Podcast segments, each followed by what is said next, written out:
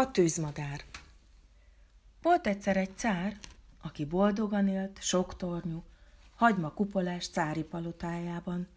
Volt három kincse, amiket a világon mindennél jobban szeretett. Egy aranytulló tűzmadara, felesége a bölcs Jelena cárlány, és fiacskája Iván Cárevics.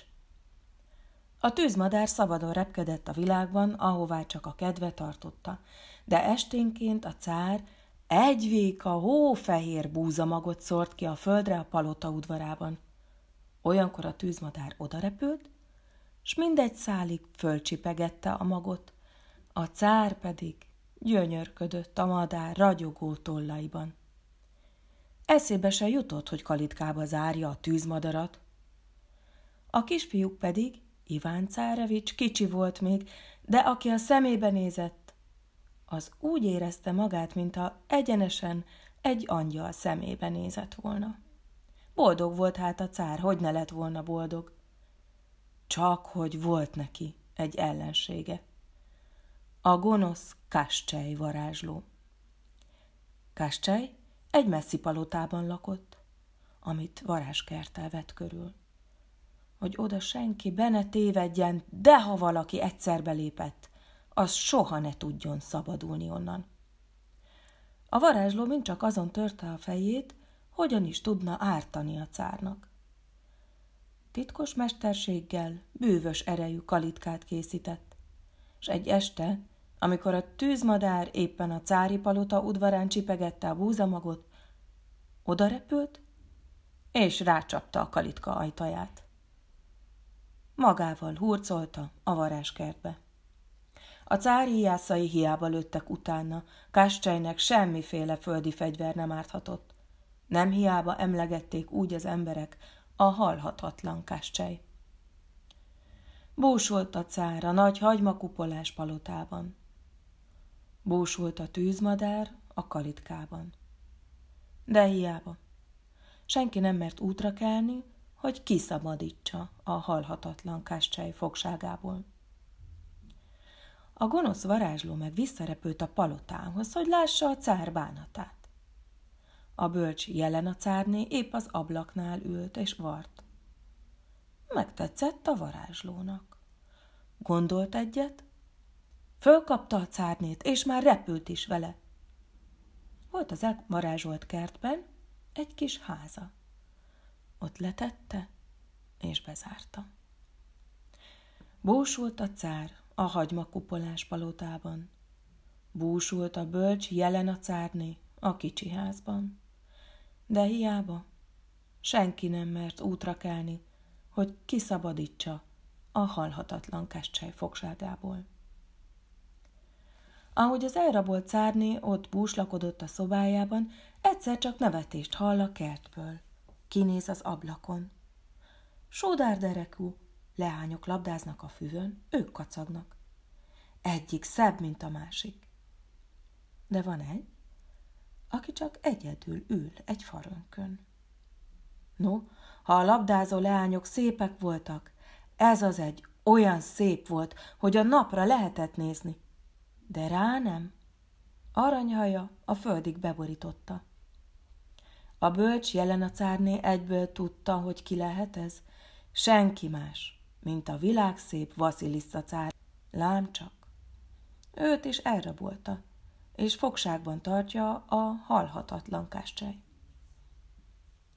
Búsult a cár leány népe a birodalomban. Búsult a világszép Vasilissa az elvarázsolt kertben. De hiába.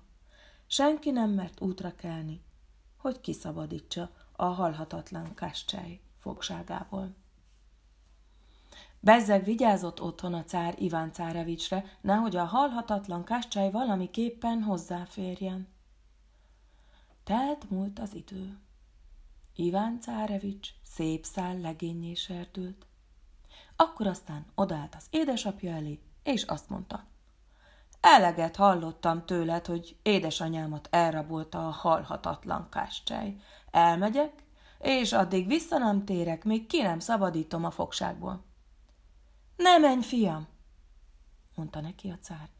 Senki nem tudja, miben rejlik a halhatatlan káscsai hatalma, ha oda mégy, vége az életednek. De Iván Cárevics nem rettent meg. Így hát az apja áldását adta rá, és Iván Cárevics útnak indult.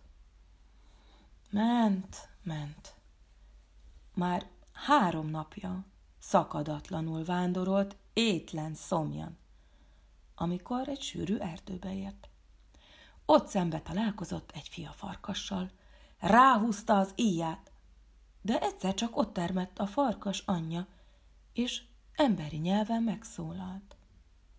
Ne bántsd a gyermekemet, hát ha még hasznodra lehetek. Iván Cárevics megkönyörült a farkason, s ment tovább, korgó gyomorral. Egyszer csak meglát a földön egy varjú fiókát, ráhúzta az íját. De oda repült az anyavarjú, és megszólalt. Ne bánsd a gyermekemet, hát ha még hasznodra lehetek. Megkönyörült Iván Cárevics a varjún is, és ment tovább. De már igen éhes volt. Kért egy folyóhoz, hát egyszer csak kivetődik a partra egy kis csuka. De most már igazán eszem, örült meg Iván Cárevics, és ráhúzta az éjját a kis csukára. Hanem abban a pillanatban nagy hullámot vetve, ott termett a csuka anyja, és az is azt mondta. Ne bánst a gyermekemet, hát ha még hasznodra lehetek. Iván Cárevics nagyot sóhajtott, és leengedte az íját, de már olyan éhes volt, hogy szikrát hányt a szeme. Vándorolt tovább, és egyszer csak elérkezett a halhatatlan káscsáj varázskertjének kerítéséhez. A kerítés túloldalán épp ott állt a világszép Vasilissa. Iván Cárevicsnek be kellett húgynia a szemét, hogy ne vakítsa a cárlány aranyhajának ragyogása. Hanem amikor ismét kinyitotta a szemét, és meglátta a cárlány arcán lecsurgó könnyeket, fölkiáltott. Ne búslakodj itt többé, kiszabadítalak, magammal viszlek.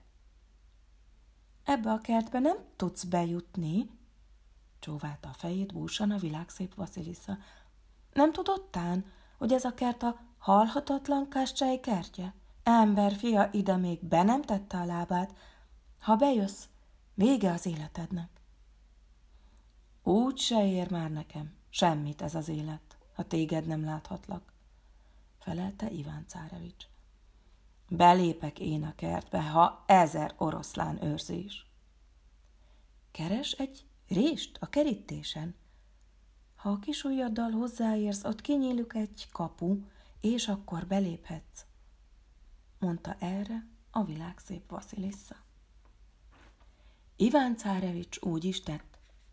Addig-addig ment a varázskert kerítése mellett, amíg egy rést nem talált rajta, megérintette a kis ujjával, és lám, kaput árult a kerítésen. Iván Cárevics beléphetett a kertbe. Ment, ment befelé.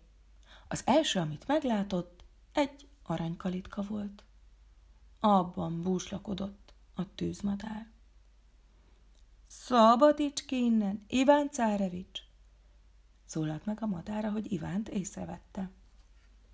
A Cárevics nem mondatta kétszer magának, egyből kinyitotta a varázskalitka ajtaját, s a tűzmadár kiröppent. Hármat körözött Iván Cárevics feje fölött, és azzal elrepült. Ment tovább Iván a kertben. Egyszer csak meglátott egy kis házat. Oda ment, bekopogtatott. Kinyílik az ajtó, és ott áll az ajtóban az édesanyja. A bölcs jelen a cárni. Összeülelkeztek. Lelkem, egyetlen fiam, hogy kerülsz te ide? kérdezte a cárni Ivántól. Érted, jöttem, hogy kiszabadítsalak a halhatatlan káscsej fogságából. A tűzmadarat már kiengedtem a kalitkájából. Most pedig magammal viszlek téged is, meg a szépséges Vasilisszát is. Jaj, lelkem, fiam, nem megy az olyan könnyen, ha száz életed volna is.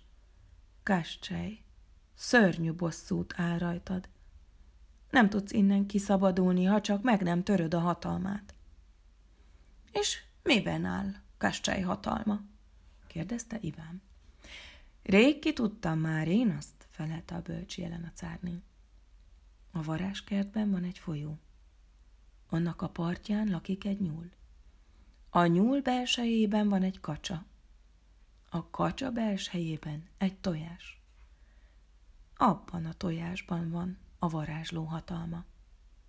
Aki azt összezúzza, legyőzi a halhatatlan kascseit. Már indulok is, édesanyám, mondta Iván, és kilépett a házikóból. Sokáig kellett bolyongania a varázskertben, mire megtalálta a folyót. Hát még a folyó mellett mennyit kellett mennie, mire megtalálta a nyúl vackát, de végül csak megtalálta, és fölriasztotta a nyulat. Igen ám, de a nyúl kiszabadult a keze közül, és elszaladt. Mire Iván utána lőtt, már a nyíl sem érte utól. Hely, ki segíthetne most nekem? Fohászkodott föl keservesen az égre. Abban a pillanatban ott termett az anyafarkas, hozta a foga között a nyulat. Iván megköszönte, kivette a szájából, és fölhasította, ahogy fölhasította, kiröppent belőle a kacsa. Bizony Iván hiába kapott utána, és mire az éjhoz nyúlt volna, a kacsa már magasan szárnyalt. Ej, ki segítene most nekem? Sóhajtott fel újra keservesen. Abban a pillanatban ott termett a varjú. Őzte. Hajtotta a kacsát lefelé, vissza egyenesen Iván keze közé. Csak hogy az utolsó pillanatban a kacsa ilyettében kiejtette magából a tojást, s az egyenesen beleesett a folyóba. Na, most volt csak igazán elkeseredve Iván Cárevics? Hát ebből a folyóból hogyan keresse elő a drága tojást? De mielőtt végképp búnak eresztette volna a fejét, előbukkant a folyóból egy csuka, és a szájában ott volt a tojás. Iván óvatosan kivette a szájából, és a tarisznyájába tette. Így indult visszafelé. Hanem közben hazaért a halhatatlan káscsej. Amikor észrevette, hogy valaki kiengedte a tűzmadarat, szörnyűdűbe jött. Tudta jól, hogy csak is Iván Cárevics tehette. Varázsolni kezdett hát, és előhívta a föld mélyében lakó összes gonosz segítőjét. Mire Iván Cárevics észbe kapott, ezer meg ezer szörny vette körül. Mit csináljon? Hogy meneküljön? Íjnak, nyílnak semmi haszna nincs itt. Kihúzta a kardját, és védte magát vitézül. De ha egyet levágott, kettő ugrott a helyébe. Fáradt már Iván. Egyre nehezebben emelte fel a kardját. A szörnyek bezzeg nem fáradtak, ahogy észrevették, hogy Iván ereje fogytán van, egyre erősebben támadtak. Ekkor egyszer csak Gyönyörű szép dal hangzott a magasból. Egyre hangosabb és hangosabb lett. Iván Cárevics erőre kapott. A szörnyek viszont egymás után roskadtak le a földre, és elaludtak. A tűzmadár tért vissza. Ő dalolt.